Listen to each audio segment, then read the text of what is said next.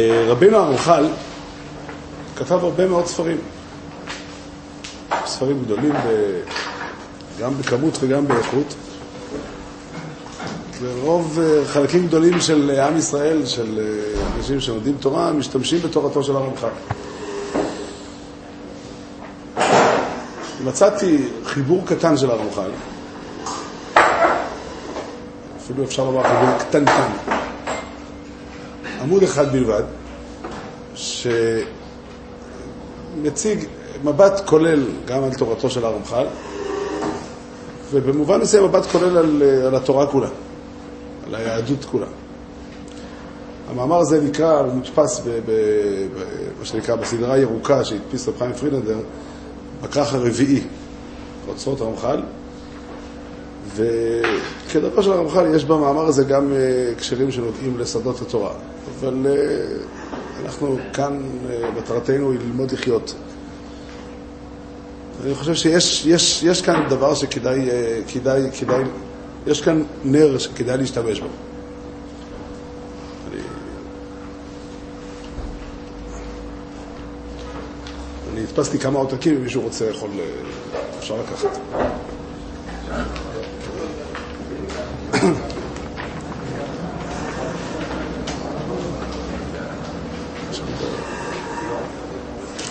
כן. אנחנו לא, לא, לא, לא צריכים הרבה, אנחנו לא נקרא הרבה בפנים. כן. הנושא, הנושא, הכותרת היא דרוש בעניין הכיווי. אומר הרמח"ל, לישועתך קיוויתי, הוא בונה על הפסוק לישועתך קיוויתי השם, ראשית הבריאה בתקווה, שכל התחתונים מצפים לשפעת עליונים על ידי תפילה או שיר. צריך להבין, אנחנו רגילים לתפוס את העולם שלנו כעולם של חול. וכיוון שאנחנו אנשים דתיים, אנחנו מחפשים את הקודש. והקודש הוא בדרך כלל במקום אחר. זאת אומרת, בדרך כלל הגישה הרגילה היא שמציגים את, ה, את, ה, את הדילמה של האדם, זה כמה הוא נמצא בחול וכמה הוא נמצא בקודש. איזה, איזה חלק מהמשאבים שלו מושקע, ב, ב, ב, נקרא לזה, בתורה ועבודת השם, ויש גם, מה אפשר לעשות? אנחנו בני אדם, אנחנו יצורים טבעיים ואנושיים, ואנחנו צריכים גם לעסוק בחול. זו גישה שקשה לשלול אותה, היא קיימת בעולם שלנו גם. הרבה פעמים בן אדם עסוק, חלקים גדולים של היום, במלאכה, בצרכים נכונים ואמיתיים של החיים שלו, ואחר כך הוא מגיע הביתה, ואז אומרים, נו, עכשיו תקדיש חלק מהזמן שלך לקדוש ברוך הוא, תורה ועבודת השם. הרמח"ל מציג פה תמונה אחרת. הרמח"ל מציג פה תמונה אחרת. הרמח"ל מציג תמונה שיש עולם של חול, והתכלית היא העולם של התחתונים, שהוא העולם של החול, והתכלית היא להביא אל העולם של חול את, השפ... את השפע מהעליונים. זאת אומרת, במילים אחרות, ליצור חיבור בין שמיים וארץ. גם בדברי רבינו הגרור מצאנו את המילים האלה, תמיד הוא חוזר על המילים האלה, שמיים וארץ ואדם המחברם. זאת אומרת שהנושא הנושא של האדם זה לא כמה קודש יהיה בו וכמה חול יהיה בו, אלא השאלה היא כמה הוא ישכיל להביא קודש אל תוך החול. הרמח"ל עצמו בדרך השם אומר משפט קיצוני וחריף, הוא אומר שאין מציאות של אדם בעולם שעושה דבר רוחני. אדם שחי בעולם הזה, כל עוד הוא כאן, אנחנו לא אומרים מה שאדם עושה אחרי מותו, זה לא התחום שלנו, אין מעשים רוחניים שאדם עושה בעולם הזה. אין, אין דבר כזה. יש רק, אה, אה, אה, הוא קורא לזה חומריות כזו או גשמיות כזו, שמסודרת לפי סדר אלוקי. אנחנו רגילים, זאת אומרת, כל, כל החלוקה הזו של רוחניות וגשמיות, הרמח"ל אומר, תראה, אין לך בעולם הזה. גם אם אתה חושב על משהו, גם אם אתה חושב על דברים הכי רוחניים, כלי המחשבה שלך והרעיונות, המושגים שעל פיהם אתה חושב, הם מושגים גשמיים. אין לך כלים אחרים. הקדוש ברוך הוא שם את האדם בעולם הזה, ושם את הנשמה שלו בתוך הגוף, והוא סגור בתוך הגוף. כל עוד הוא חי פה בעולם, הוא לא יכול לצאת מהגוף. לא נראה לי שגם הוא רוצה את זה. ו- ו- ו- והוא נמצא פה. אבל, אומר לך, אומר לך, תדע לך, המציאות של, של, של התחתונים, המציאות של החול, שהוא מצפה תמיד לשפע שיגיע מלמעלה. וזה בעצם הסיפור של הבריאה. יש פה מבט עקרוני על הבריאה כולה. חשוב... כשהראשונים מדברים על, על הנבדל, או על אה, התורה שמוטלת, המהר"ל בעיקר מדבר על זה, הוא מתכוון למשהו אחר ממה שהרמח"ל אומר? הרמח"ל, אני רוצה, אני אוסיף עוד תוספת הסבר. אני אומר, מה שאמרתי כאן עד עכשיו הוא, הבחן, הוא שלב אחד. שלב אחד שהנושא הוא פה לא הרוח, לעומת, זאת אומרת, החלוקה של, העול, של החיים לחול וקודש, או רוח וחומר, אלא החיבור בין שניהם, אבל כתוב פה ברמח"ל עוד דבר אחד, שהחיבור הוא על ידי העניין הזה של שפע ו- ותקווה. זאת אומרת, המציאות של החיים בעולם שהאדם תמיד נזקק, תמיד חסר לו. הוא מדבר פה לא רק על אדם, הוא מדבר כללי יותר.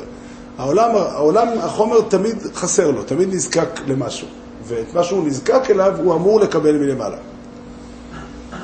וזה הנקודה, זאת המטרה של הבריאה. אותו, אותה נקודה שבה התחתונים פונים כלפי מעלה, או נדבר בשפה שלנו, האדם פונה כלפי הבורא בתקוותו לקבל שפע מהבורא. זוהי הנקודה העיקרית, זה נקודת החיבור, נקודת החיבור העיקרית בין אלוקים לאדם, היא הנקודה שבה האדם פונה לקדוש ברוך הוא לבקש ממנו שפע. זה הנקודה העיקרית. רבינו הגרו אומר שמידת ש... הביטחון היא תכלית הבריאה כולה. זאת אומרת, אותו מקום שבו האדם סומך את עצמו לקבל את הטוב מהבורא, זו הנקודה העיקרית של הבריאה. זו הנקודה העיקרית של התורה, זו התכלית של הכל. לגויין יש משפטים אה, אה, מאוד חזקים בעניין הזה, שזה תכלית התורה והמצוות, וסוף התורה והמצוות, ועוד עוד, עוד כל מיני צורות של ביטוי, עיקר התורה והמצוות, או המדרגה, המעלה העליונה על כל העליונות, היא מידת הביטחון. זאת אומרת, התוכן העיקרי של כל התורה כולה הוא זה שהאדם יפנה אל הבורא ויבקש עם, עם שתי ידיים פתוחות, כמו שהספרדים נוהגים בפותח את ידיך, עם שתי ידיים פתוחות ויבקש שפע. זו הצורה העיקרית. זה לא דברים פשוטים. הם לא דברים שהם אה, מובנים מאליו, אפשר להתווכח עם זה. אפשר להתווכח עם, עם, עם, עם רבותינו אלה ולהגיד שעיקר האדם בעולם, או עיקר הנושא, הוא הציות של האדם לדבר השם. אפשר להגיד שתכלית התורה והמצוות, שיהיה האדם שומע בכל ענייניו לציוויו יתברך. זה משפט הגיוני ונכון וסביר, אבל גם רבינו הגרוב וגם רבינו הרמח"ל, שניהם מעמידים את היהדות בצורה שונה. אם רוצים לנסח מה זה נקרא יהדות אה, במסמדר של הגרו. היהדות במסמדר של הגרו היא זו, גם, גם תלמידי הגרו הגדולים אה, שכתבו הרבה, רב חיים ולא... המסילת ישרים, כל הפרקים שלו, הוא הולך כן. לא. לא, לא. המצווה. לא, אבל בכל מקום, הרמח"ל בכל מקום במסילת ישרים, בכל מקום במסילת ישרים הוא אומר, הוא קודם כל בפרק הראשון הוא כותב את זה מאוד חזק, יסוד החסידות ושורש העבודה התמימה שהתברר והתעמת אצל האדם החובתו בעולמו, והנה מה שאומרו חז"ל, שאדם לא נברא אלא להתענג על השם וליהנות מזיו שכינתו. וזו הכוונה, כשהוא מדבר על זהירות אז הוא אומר, הזהירות היא, איך, איך הלשון שמה? שאדם יתבונן על כל מעשה שהוא עושה, האם הוא מכלל המעשים שמביאים את הטוב האמיתי, זאת אומרת, בוא נצייר בצורה, נצייר בצורה דמיונית. אדם יושב בליל שבת ומגישים לו דגים לאכול. בדגים האלה יש עצמות, ויש שאלה של בורר. עכשיו, אדם, מידת הזהירות אומרת שאדם צריך להיזהר, לא להיכשל באיסור בורר. איך אנחנו היינו מנסחים את זה? יש איסור דאורייסה של חילול שבת. האם באופן הזה זה חילול שבת? באופן הזה זה לא חילול שבת. תעשה את זה באופן הזה ולא באופן הזה.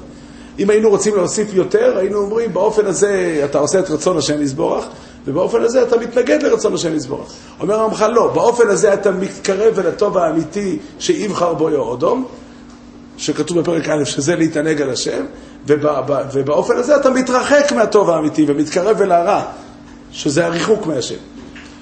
יש פה רמח"ל מאוד עקרוני בעניין הזה, מאוד מאוד עקרוני, גם בדרך השם זה מופיע כמה פעמים, שעיקר הכוונה בכל המצוות כולם בכל המצוות כולם, שיהיה אדם פונה לבוראו, לבקש, לקבל את השפע שהשם נותן לו. כשהוא מדבר על תלמוד תורה, שהיא, בדרך השם, הוא שם את מצוות תלמוד תורה כמצווה הכי חשובה שאפשר, שיכולה להיות, אז הוא כותב שיש שפע עליון, הכי עליון שיכול להיות, שהוא השפע העיקרי שהקדוש ברוך הוא ייעד לנבראים, ואדם, כשהוא לומד תורה, הוא פונה לבקש את השפע הזה. זה, אצל הרמח"ל זה דבר מאוד מאוד ברור ומאוד רחב, וגם בנוסח פחות חזק, הגרו גם הולך עם הדבר הזה. ופה, במאמר הזה, הוא מדבר על הנקודה, הוא אומר, ישנה, יש הלוך נפש של תקווה. התקווה הזו היא עיקר מה שמצופה מהאדם. שאדם יעמוד מול הבורא ויקווה לקבל ממנו. זאת אומרת, שימו, צריך לשים לב להנחות היסוד ש, ש, ש, שאנחנו מניחים. אחד, שאדם תמיד חסר. תמיד חסר. מיד אחר כך הוא כותב, בואו ראה, כל הבריות נבראו בלא שלמות. זאת אומרת, טבעו של אדם, כולנו מכירים את זה, זה, זה החלק שפחות צריך אולי ל, ל, ל, ל, להכרי, ל- להוכיח ולשכנע, כי כולנו מכירים, אבל כן צריך לחזור ולהדגיש את זה. זאת אומרת, אנחנו כיצורים נבראים, הקדוש ברוך הוא ברא אותנו יצורים לא שלמים, ותמיד חסר לנו. חסר זה אומר, אחד הדברים המעניינים ביותר שהקדוש ברוך הוא ברא בעולם, זה את העניין של פרנסה.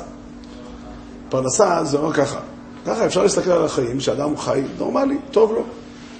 פה ושם קורים בעיות שצריך לפתור אותן. הוא חלילה חולה, או חלילה אה, יש לו, אה, לא יודע מה. פרנסה זה אומר שזה לא, לא ככה. פרנסה זה אומר שעצם הקיום הוא בעיה. כל יום מחדש, זה שיש לי היום אוכל, זה לא אומר כלום, זה לא, זה לא, לא, לא רלוונטי למחר. מחר אני צריך עוד אוכל. זאת אומרת, הקדוש ברוך הוא ברא את האדם בצורה כזאת, שתמיד הוא עומד עם הידיים פתוחות והוא מבקש. והוא נזקק לקבל. בכל מצב. וזה נכון על אוכל, וזה נכון על בריאות, זה נכון על פרנסה, וזה נכון על ילדים, וזה נכון על, על חברים, זה נכון על כל מה שאדם, כל, תמיד אדם צריך. תיגש לבן אדם ותגיד לו, ברוך השם, קרה לו איזה שמחה גדולה, הוא... ברוך השם, הוא שמח מאוד. מה יש לו להגיד? בעזרת השם, שיהיה הלאה. זה נראה שאנשים מתנגדים. יש לנו, זה נכון שיש לנו איזשהו סכסוך פנימי עם הנזקקות שלנו, ואחד המטרות הגדולות, או אחד השלבים החשובים בחיים, זה ללמוד להסתדר עם זה. ללמוד לאהוב את זה. אבל מה שהרמח"ל פה אומר את הדבר הזה, שהאדם צריך לבוא עם ה... זה, מה, ש- זה פירוש המושג תקווה. שאני אומר, מי ישלים את החסרונות שלי? אני פונה לבורא ומקווה שהוא ישלים את החסרונות שלי. והרמח"ל מכאן והלאה, לאורך כל המאמר הזה, מדבר על כמה וכמה עמודים גדולים בתורה, ומסביר איך כל העניינים הללו, המרכז שלהם זה התקווה.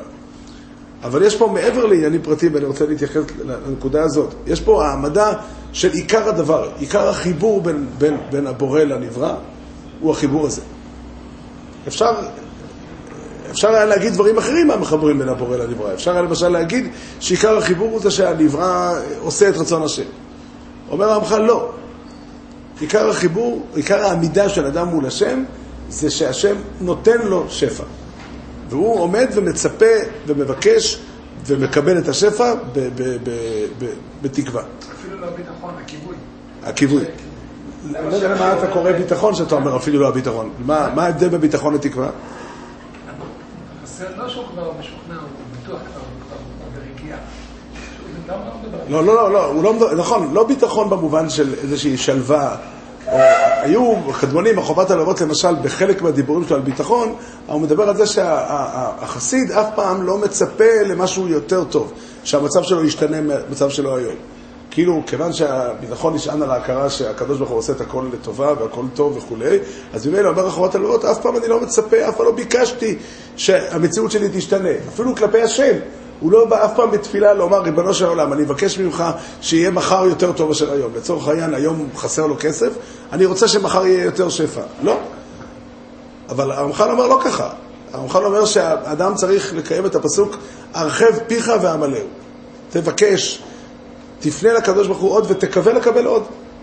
והתקווה היא מעוררת את השפע. רש"י מסביר את זה לא? לא לחקור אחר העתידות. זה משהו אחר. לחקור אחר עתידות זה לרצות לדעת היום מה יקרה מחר. מה? אלא תצפה לו, נכון.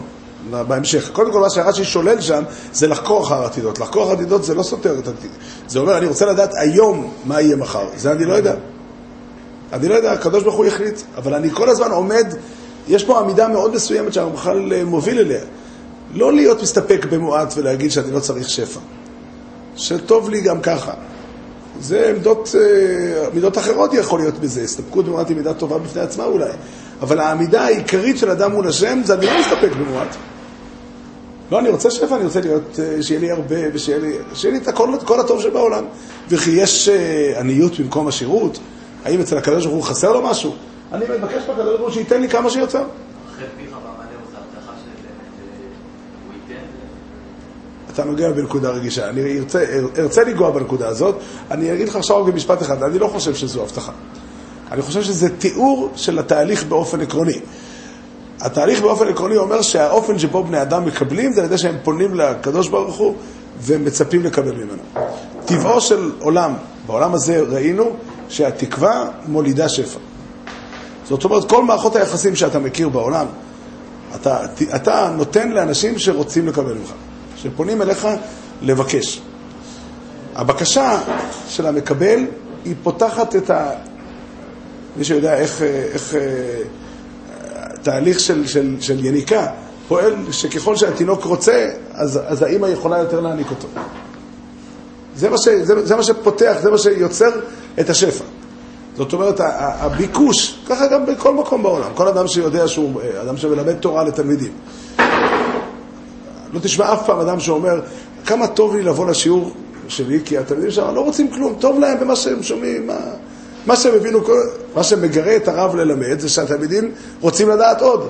מה שתבוא לעשיר שנותן צדקה, הוא גם, הוא רוצה לראות איך שהמקבלים רוצים לקבל. כמובן, יש אופן מסוים איך מבקשים, אם יבוא אדם לעשיר ויגיד, תן לי. מה זה? נו, מהר. אז הוא יגיד לו, לא, זה לא עובד ככה, צריך לבקש. לקוות זה גם אומר שלא אני אהיה בעל הבית. לקוות זה אומר שאני משאיר את הבעלות אצל הבורא, והוא זה שנותן. אבל, אבל זה הכלל הגדול. בראשית ברא אלוקים אין ראשית אלא תקווה. המשפט הזה פירושו, קודם כל, מה זה ראשית? תקווה מולידה מהלך. כשאני מקווה למשהו, אם אדם טוב לו במה שיש לו, לצורך העניין, שזה מקביל לייאוש, זו מילה נרדפת לייאוש, כן. איך זה מסתדר עם אה, יעקב? הוא אמר לחם לאכול ובגד לבוש. למה הוא לא מקווה ליותר? לא, למה לא יותר, אתה שואל? אני חושב ש...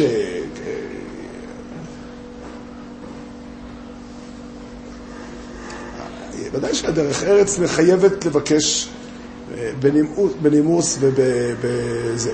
כאילו לא, לא לבקש. אחרי שתקבל את זה, תבקש עוד. לא, לא, לא, מה? יותר. כן, כן. לא, אבל אני אומר, אני לא חושב שהכוונה היא שאדם שיש לו לחם לאכול בגד לבוש, אז הוא אמור להפסיק לבקש. אלא בשלב הראשון, זה, זה, זה, זה דרך ארץ לבקש בצורה כזאת. זה בגלל איזו השיר השמח בחלקו. אם שמח בחלקו, כבר מה יש לו לבקש? בעומק אני לא חושב שזה סתירה עם איזו השיר השמח בחלקו. לא חושב ששמח בחלקו הוא לא מבקש יותר. אין לו כעס על השם על משהו נתן. מה? משהו נתן. לא, לא, יכול להיות ש...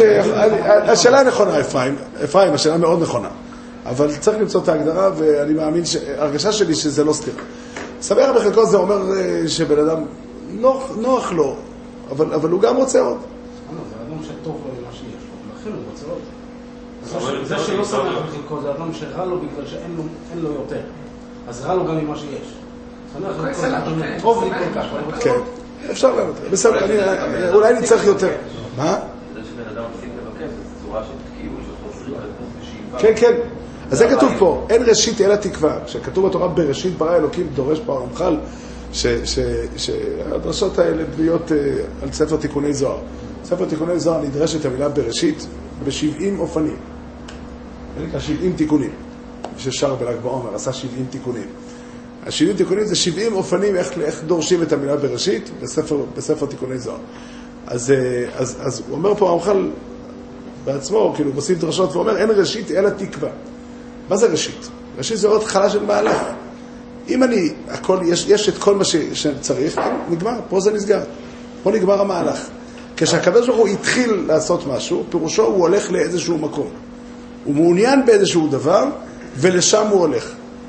זה, לכן ראשית תמיד היא תקווה. בואו ראה. מה? זה גם דבר מעניין מאוד, מה זה שיר. כאשר בן אדם משבח, אנחנו מכירים צורה אחת של בקשה, אנחנו מבינים אותה בפשטות. אנא, תן לי. מה קורה לבן אדם שקיבל משהו והוא שר שיר? הוא אומר תודה. תסתכל טוב ותראה, התודה הזאת בהרבה מאוד מקרים טמונה בבקשה לקבל עוד. זאת אומרת, הכוונה הסמויה, אנחנו היינו מסתכלים על זה בעיניים קצת לא כל כך יפות. בן אדם כאילו אה, מודה ואומר, תודה רבה, כל הכבוד לך שנתת לי. אני באמת אסיר תודה לך על מה שנתת לי. זה רמז שתיתן לי עוד. אומר הרמח"ל, כן, כן, זה נכון. השיר, השבח שמשבחים את השם, טמון בו תמיד, וזה טבעו. אנחנו יודעים, מחז"ל אנחנו יודעים שכשאדם משבח את הקדוש ברוך הוא באיזושהי הנהגה, הוא מעורר את ההנהגה הזאת. כתוב בחז"ל שבני רב חייא נגשו להתפלל בתענית ציבור לפני העמוד, כשהם אמרו משיב הרוח, נהיה הרוח.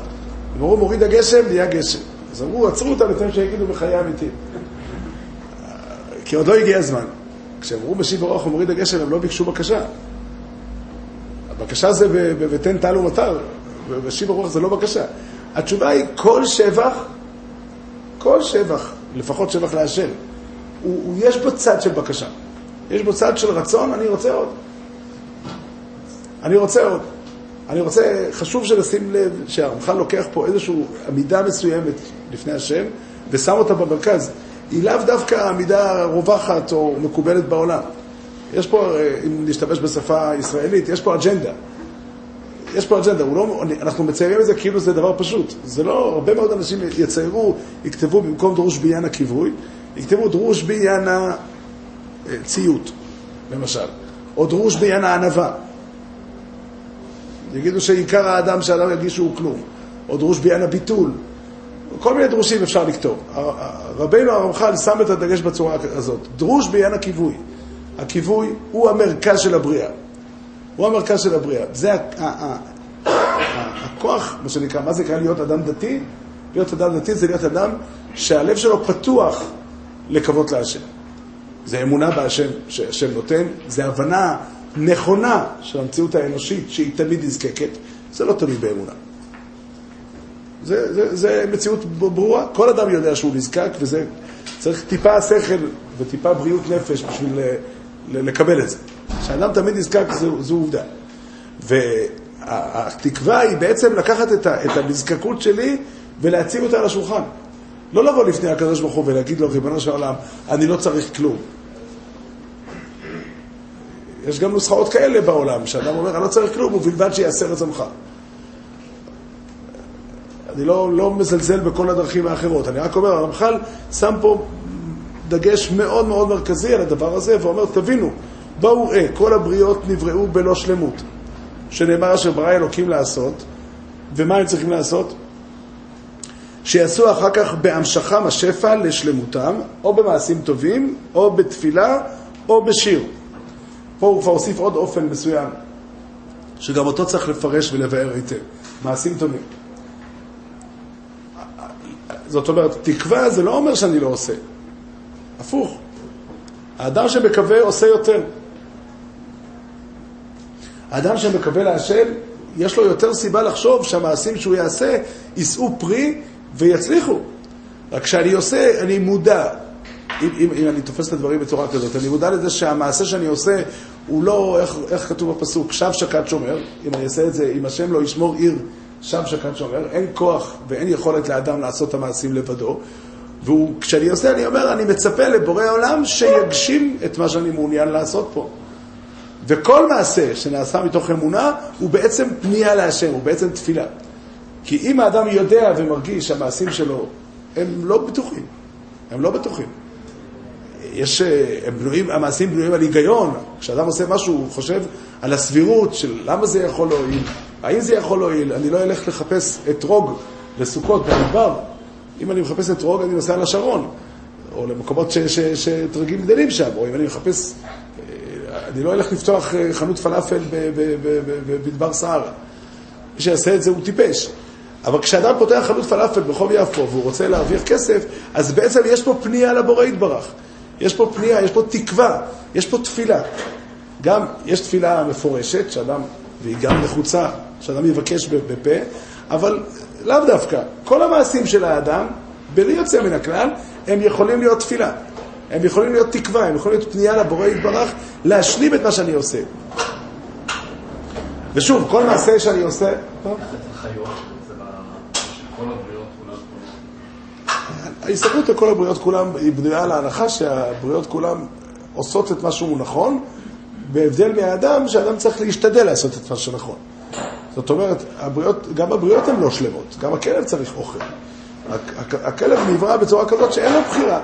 ואיך אומר הפסוק? לבני עורב אשר יקראו.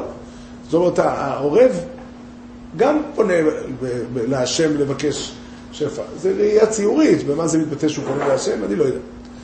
לא יודע. אני לא, לא, לא יודע. אבל אני כן, כן, כן מבין טוב מאוד לאיזה, לאיזה תפיסה אנושית הוא רוצה לה, לה, להוביל אותנו. הוא רוצה להוביל אותנו לזה שבני אדם, שנעמוד ונעשה דברים. הוא לא קורא פה, הוא לא אומר, אדם יכול לדבר על ביטחון ולהגיע מזה למסקנה שהמעשים של האדם הם שום דבר לא. או שאין הבדל בין מעשים כאלה, או... יש אנשים שאמרו שלקנות כרטיס הגרלה זה הנהגה של מידת הביטחון. הרמח"ל לא אומר את זה. הרמח"ל אומר שהמעשים הטובים שאדם עושה הם מעשים שיש בהם תקווה. זאת אומרת, הם בנויים על תקווה, הם בנויים על סבירות, אבל הסבירות, כל אחד יודע שהסבירות היא צד אחד של הסיפור. זאת אומרת, אף מעשה הוא לא בטוח. אדם שפותח חנות פלאפל ברחוב יפו, יש סבירות גבוהה שזה יהיה רווחי ויקנו לו אצלו וכולי. אבל קרו מקרים שאנשים עשו את זה וזה לא הלך. זאת אומרת, באיזה, באיזשהו מקום האדם שעושה את זה מקווה שזה יצליח. אם הוא אדם מאמין, אז הוא פונה לבורא עולם ומבקש מהבורא. בעצם העובדה שכשהוא אה, עושה את הכדורי פלאפל בתוך השמן הרותח וחם לו, והוא מזיע, הוא בעצם מקווה להשם. זה מעשה של תקווה. באופן הזה הרמח"ל רוצה להפוך את כל מה שהאדם עושה, את כל, כל המציאות של האדם בכל רגע ורגע מחייו בעצם, לעמידה מול הקדוש ברוך הוא ולתקשורת, לדיבור עם השם. אז יש לנו שלוש אופנים, שלוש אופנים, סליחה, שלושה אופנים של פנייה להשם. זה מעשים טובים, תפילה או שיר. שיר זה שבח להשם, תפילה זה בקשה כפשוטו, ומעשים טובים זה כל המעשים הנכונים שאדם עושה. אולי כדאי לייחד כמה משפטים לתחום מיוחד של מעשים שאדם עושה, שהם המצוות. גם המצוות, אומר הרמח"ל, יש לרמח"ל ספר שנקרא דעת תמונות חלק שני. זה לא, הרמח"ל לא קרא לזה בשם הזה, קראו לזה במשך הדורות בשם דעת תבונות, כי יש לרמח"ל חיבור שנקרא דעת תבונות, שבנוי בשיחה בין השכל לנשמה, והיה לו עוד חיבור שהוא לא קרא לו שם, שהוא גם בנוי על ויכוח בין השכל לנשמה, אז קראו לו דעת תבונות חלק שני. אבל אין קשר בין שני החיבורים, הם בנויים באופן שונה לחלוטין. אבל שם יש שם דיון כזה, ושם השכל שואל את הנשמה, אה, הנשמה שואלת את השכל, למה יש לאדם בחירה? למה הקדוש ברוך הוא לא ברא את האדם שלם? אז אומר לה השכל שהקדוש ברוך הוא קבע חוק בבריאה, שהוא נותן שפע רק כשמבקשים אותו. אומרת לו הנשמה, אתה מסביר לנו את עניין הבחירה במצוות תפילה. זה מצווה שעניינה לבקש שפע. אבל יש הרי בחירה בכל תרי"ג מצוות. אומר הרמח"ל, תדע, תדעי לך שזה לא נכון. תדעי לך שזה לא נכון, שאין יותר מאשר לבקש שפע. ותוכן כל המצוות כולם אומר לי שצריך לדעת איך לבקש את השפע, ותרי"ג מצוות זה האופן שבו אנחנו מבקשים את השפע.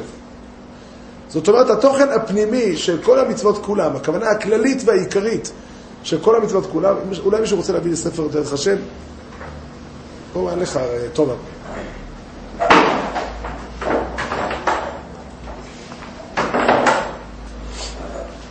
זה להראות עכשיו, הרמח"ל חוזר על זה כמה פעמים בספרו.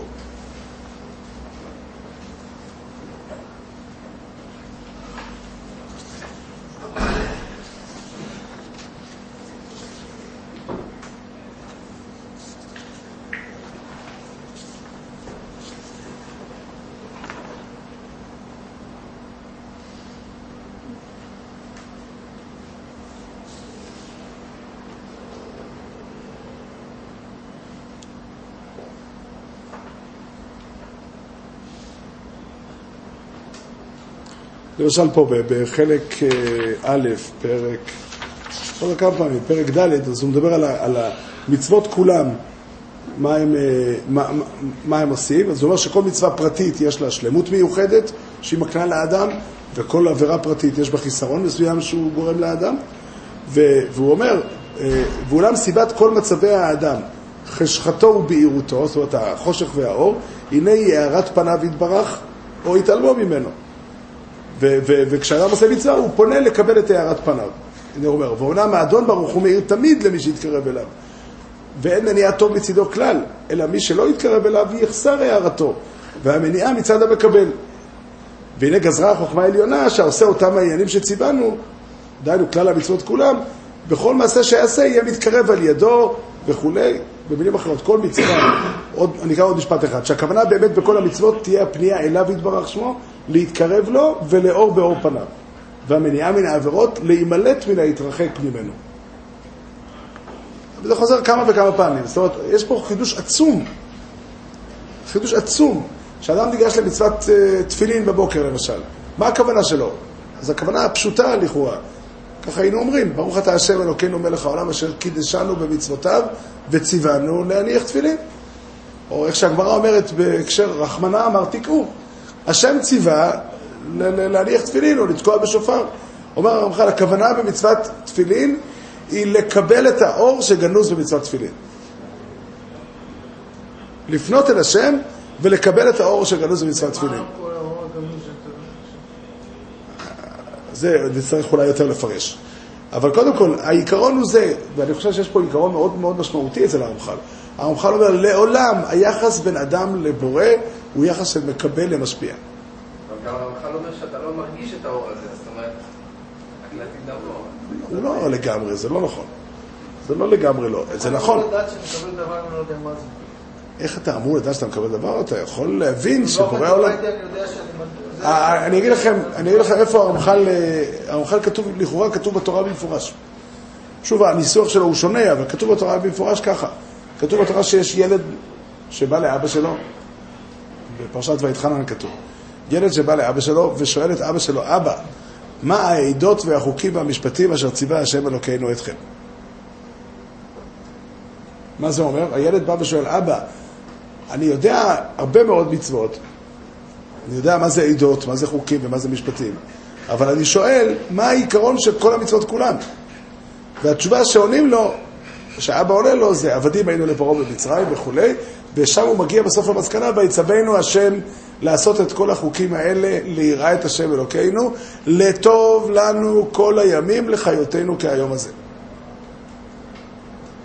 זאת אומרת, הכוונה הכללית, כתוב בתורה, שאם ילד שואל, אבא, מה הכוונה שאני צריך לכוון בכל המצוות כולם? אין שם פירוט בפסוק הזה לכל, ה, לכל מצווה ומצווה מה עניינה. יש פה מבט כללי. המבט הכללי שהקדוש ברוך הוא נתן את המצוות האלה כדי שיהיה לך טוב. זה התוכן העיקרי של המצוות. לטוב לנו כל הימים לחיותנו כהיום הזה. ואומר הרמח"ל שהכוונה היא לא רק שהמצוות מועילות באופן עקיף, אלא שהמצוות הן דרך לקבל שפע מהשם. כיוון שכל דבר שנעשה בעולם, כל דבר שנעשה בעולם, הוא בעצם תלוי ברצון של הקדוש ברוך הוא, באיזה, לתת להכיל בו את השפע, כמו שאדם יכול לפתוח חנות מכולת במקום הכי מוצלח, וזה יכול גם לא להצליח, זה הרי לא חוקיות מוחלטת. אדם יכול אה, להשקיע את הכסף בהשקעות הכי טובות, וקיצור, אם השם לא ישמור עיר, שב שקד שומר. זה, זה, זה, זו מציאות פשוטה, אז בעצם כל מעשה שאדם עושה הוא פנייה לקדוש ברוך הוא. פנייה לקדוש ברוך הוא, וזה התוכן העיקרי שלנו, בכל התורה והמצוות ובכל מה שאנחנו עושים כל ימי חיינו. זו הצורה, זו הצורה שהרמח"ל רוצה להעמיד כמרכז החיים.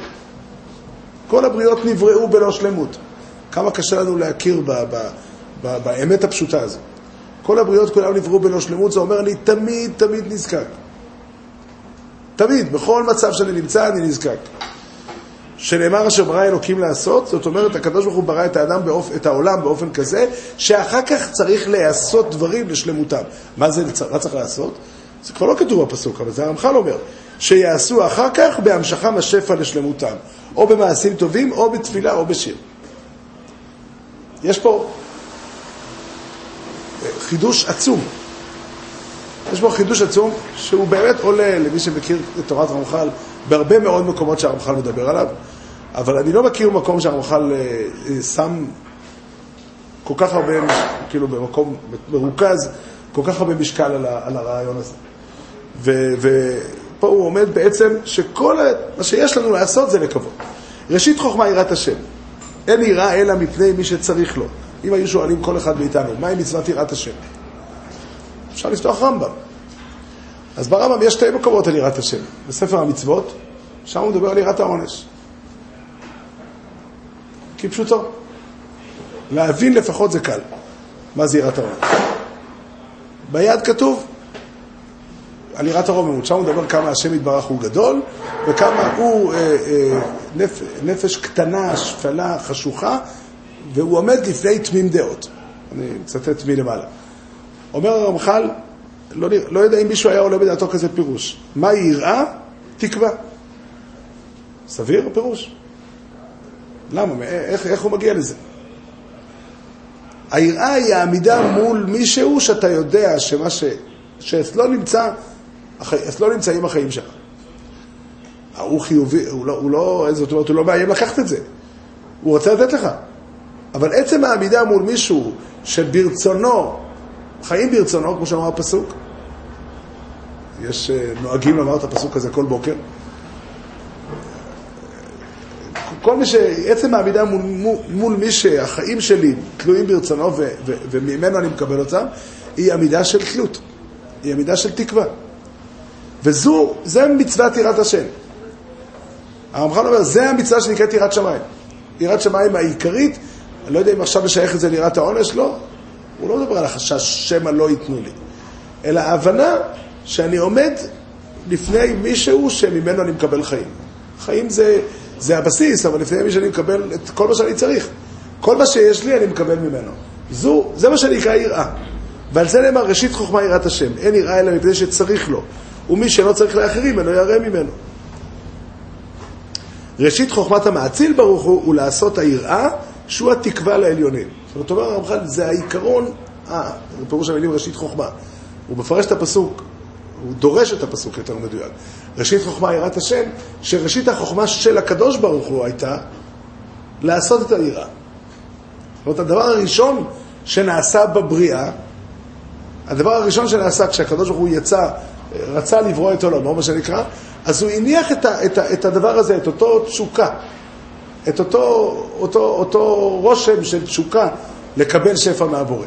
זה הכוח הראשון שנברא בבריאה, והכוח הזה הוא יראת שמיים. הוא יראת שמיים. זה מה שנקרא, יהודי ירא שמיים, אומר הרמח"ל מי הוא? יהודי שמצפה תמיד. זה אומר, שוב, צריך תמיד להדגיש את שני הצדדים של התמונה. שהוא יודע ומבין ומרגיש שהוא לבדו אין לו את השפע. יש חלילה אופן מסוים של כוחי ועוצם ידי עשו לי את החיל הזה. האופן הזה, אפילו יש מי שהגיע לדרגה של לי יאורי ואני עשיתיני. שאדם חי בתחושה שהוא לא צריך כלום. יש לו. הוא, הוא, הוא די בו בשביל עצמו. זה סוג אחד של, של טעות.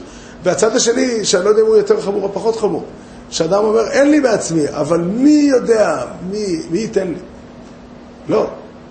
מדובר על אדם שיודע שבורא העולם עומד ומצפה לתת לו. הוא מקווה לקבל.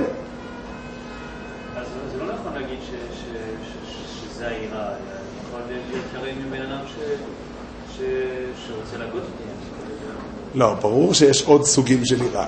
השאלה היא מה היראה. הוא לא מתכוון לומר שאין יראה אחרת. אני מניח שאדם שמגיע למחנה עבודה נאצי, לא יודע מה ההבדל, אפשר להחליט לקרוא לזה פחד ולזה יראה. אבל אה, גם יש פחד מהשם בפסוקים. לא יודע מה ההבדל. אבל הוא לא אמר פה שאין יראה אחרת. אבל היראה הרצויה בפני השם היא היראה הזו. זאת אומרת, אני, אני, אני, אני אומר דברים שאני יודע שהרבה התווכחו איתם, אני חושב שזה מה שהרמח"ל היה עונה. האם הקדוש ברוך הוא מעוניין בזה שאדם יהיה ירא מהעונש שייתנו לו? כאילו שאדם יעמוד מול השם בערד, מי יודע איזה מכות הולכים לתת לי? זה היחס שהקדוש ברוך הוא רוצה מהאדם. אני לא יודע, אולי יהיו אחרים שיגידו שכן, אבל הרמח"ל אומר לא סביר. לא מסתבר. מה שכן הקדוש ברוך הוא רוצה, שיהיו עיני- עינינו לך תלויות. שיהיו עינינו תלויות להשם, לקבל ממנו את השפע. מתוך תקווה, מתוך אמון, מתוך אה, הבנה שהוא רוצה לתת. אנחנו מתפללים, ככה חז"ל תקנו לנו. לפני תפילת עמידה אנחנו אומרים ברכת גאולה, ויש הלכה, להשתדל לסמוך גאולה לתפילה. מה זה נקרא לסמוך גאולה לתפילה? זה אומר ככה, שאני ניגש להתפלל, אני לא בא, בוא, אפשר לדמיין לעצמנו את, ה, את האדם שמתפלל, בלי ברכת גאולה. הוא אומר, ריבונו של עולם, אין לי, אף אחד לא יכול לעזור לי חוץ ממך. את, אני מבקש ממך, ת, תעזור לי. זה תפילה מסוג אחד. אבל התפילה של ישראל, שהם סומכים גאולה לתפילה. הם מתחילים לפני זה ואומרים, אנחנו הרי מכירים אותך, ואנחנו יודעים שאתה בחרת בנו והוצאת אותנו ממצרים ורצית לעשות לנו טוב. אז אין לך באמת מטרה אחרת חוץ מזה שיהיה לנו טוב. בשם זה אני בא לבקש. זה פירוש המילים לסמוך גאולה לתפילה. זאת אומרת, לבוא לתפילה מתוך גאולה, מתוך העיקרון של הגאולה. זה לבוא מתוך תקווה, לא לבוא ולומר, לבקש כמישהו שאין לך, אין, אני לא, אין לי שום סיבה לצפות ש, שתיתן לי. רק מה אני יכול לעשות? אם אין לי כלום, אני מבקש מכל אדם. אדם שצריך משהו בשביל החיים שלו, הוא ניגש לאנשים ברחוב ומבקש מהם. אין לו, אין לו איזה רקע מוקדם שהוא חושב שההוא ירצה לתת לו, אבל אין לו ברירה. לא, לא ככה נראית תפילה אמיתית. תפילה אמיתית נראית אחרי שאדם אמר ברכת גאולה, והוא הבין היטב כמה הקדוש ברוך הוא אה, השקיע בעם ישראל כבר.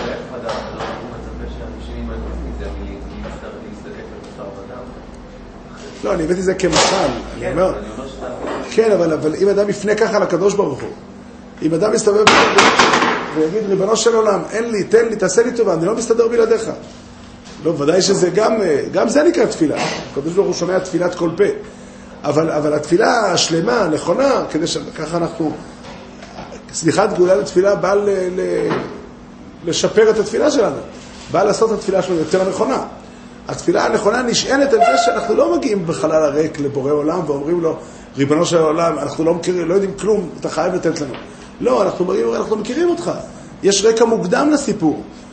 אנחנו יודעים שאתה רגיל לתת לנו, אנחנו יודעים שאתה אוהב אותנו, יודעים שיש לנו סיפור ארוך איתך. מאז, אה, מאז יציאת מצרים אנחנו מכירים אותך.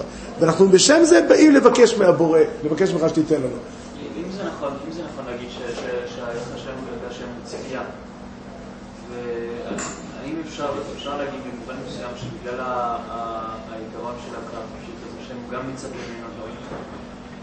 כן.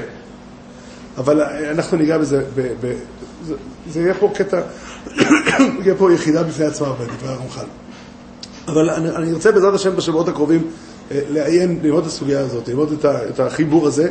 זה חיבור באמת לא גדול. עמוד אחד. איך בחלק הזה ציפייה אומר יראה? עוד רגע. תשמור, אתה רוצה לרשום את השאלה שלך? מה? בוא נקווה. בוא נקווה שנמצא תשובה לכל השאלות. לקוות מותר לנו. בסדר. על כל פנים, רבינו הרמח"ל מעמיד פה עיקרון. זה באמת עיקרון, אני חושב שהחיבור הזה של הרמח"ל, אפשר, אפשר לחיות איתו חיים שלמים. אפשר לקחת אותו כ, כ, כדרך בחיים. וזה הופך להיות אה, אה, התוכן הפנימי של כל מה שבן אדם עושה. כי יש פה, יש פה באמת אה, עיקרון. העיקרון הוא העמידה של אדם לפני השם, העמידה הנכונה שלו לפני בורא עולם היא עמידה של תקווה. אפילו עמידה של ציות היא לא, היא לא, היא לא עמידה מלאה, היא לא העמידה הנכונה. עמידה של תקווה זה אומר, אני הרי נזקק ואתה הרי נותן, אז אנא תן לי. שנזכה תמיד, באמת תמיד, לדבוק להשם, לקוות אליו ולקבל ממנו שפע. אמן.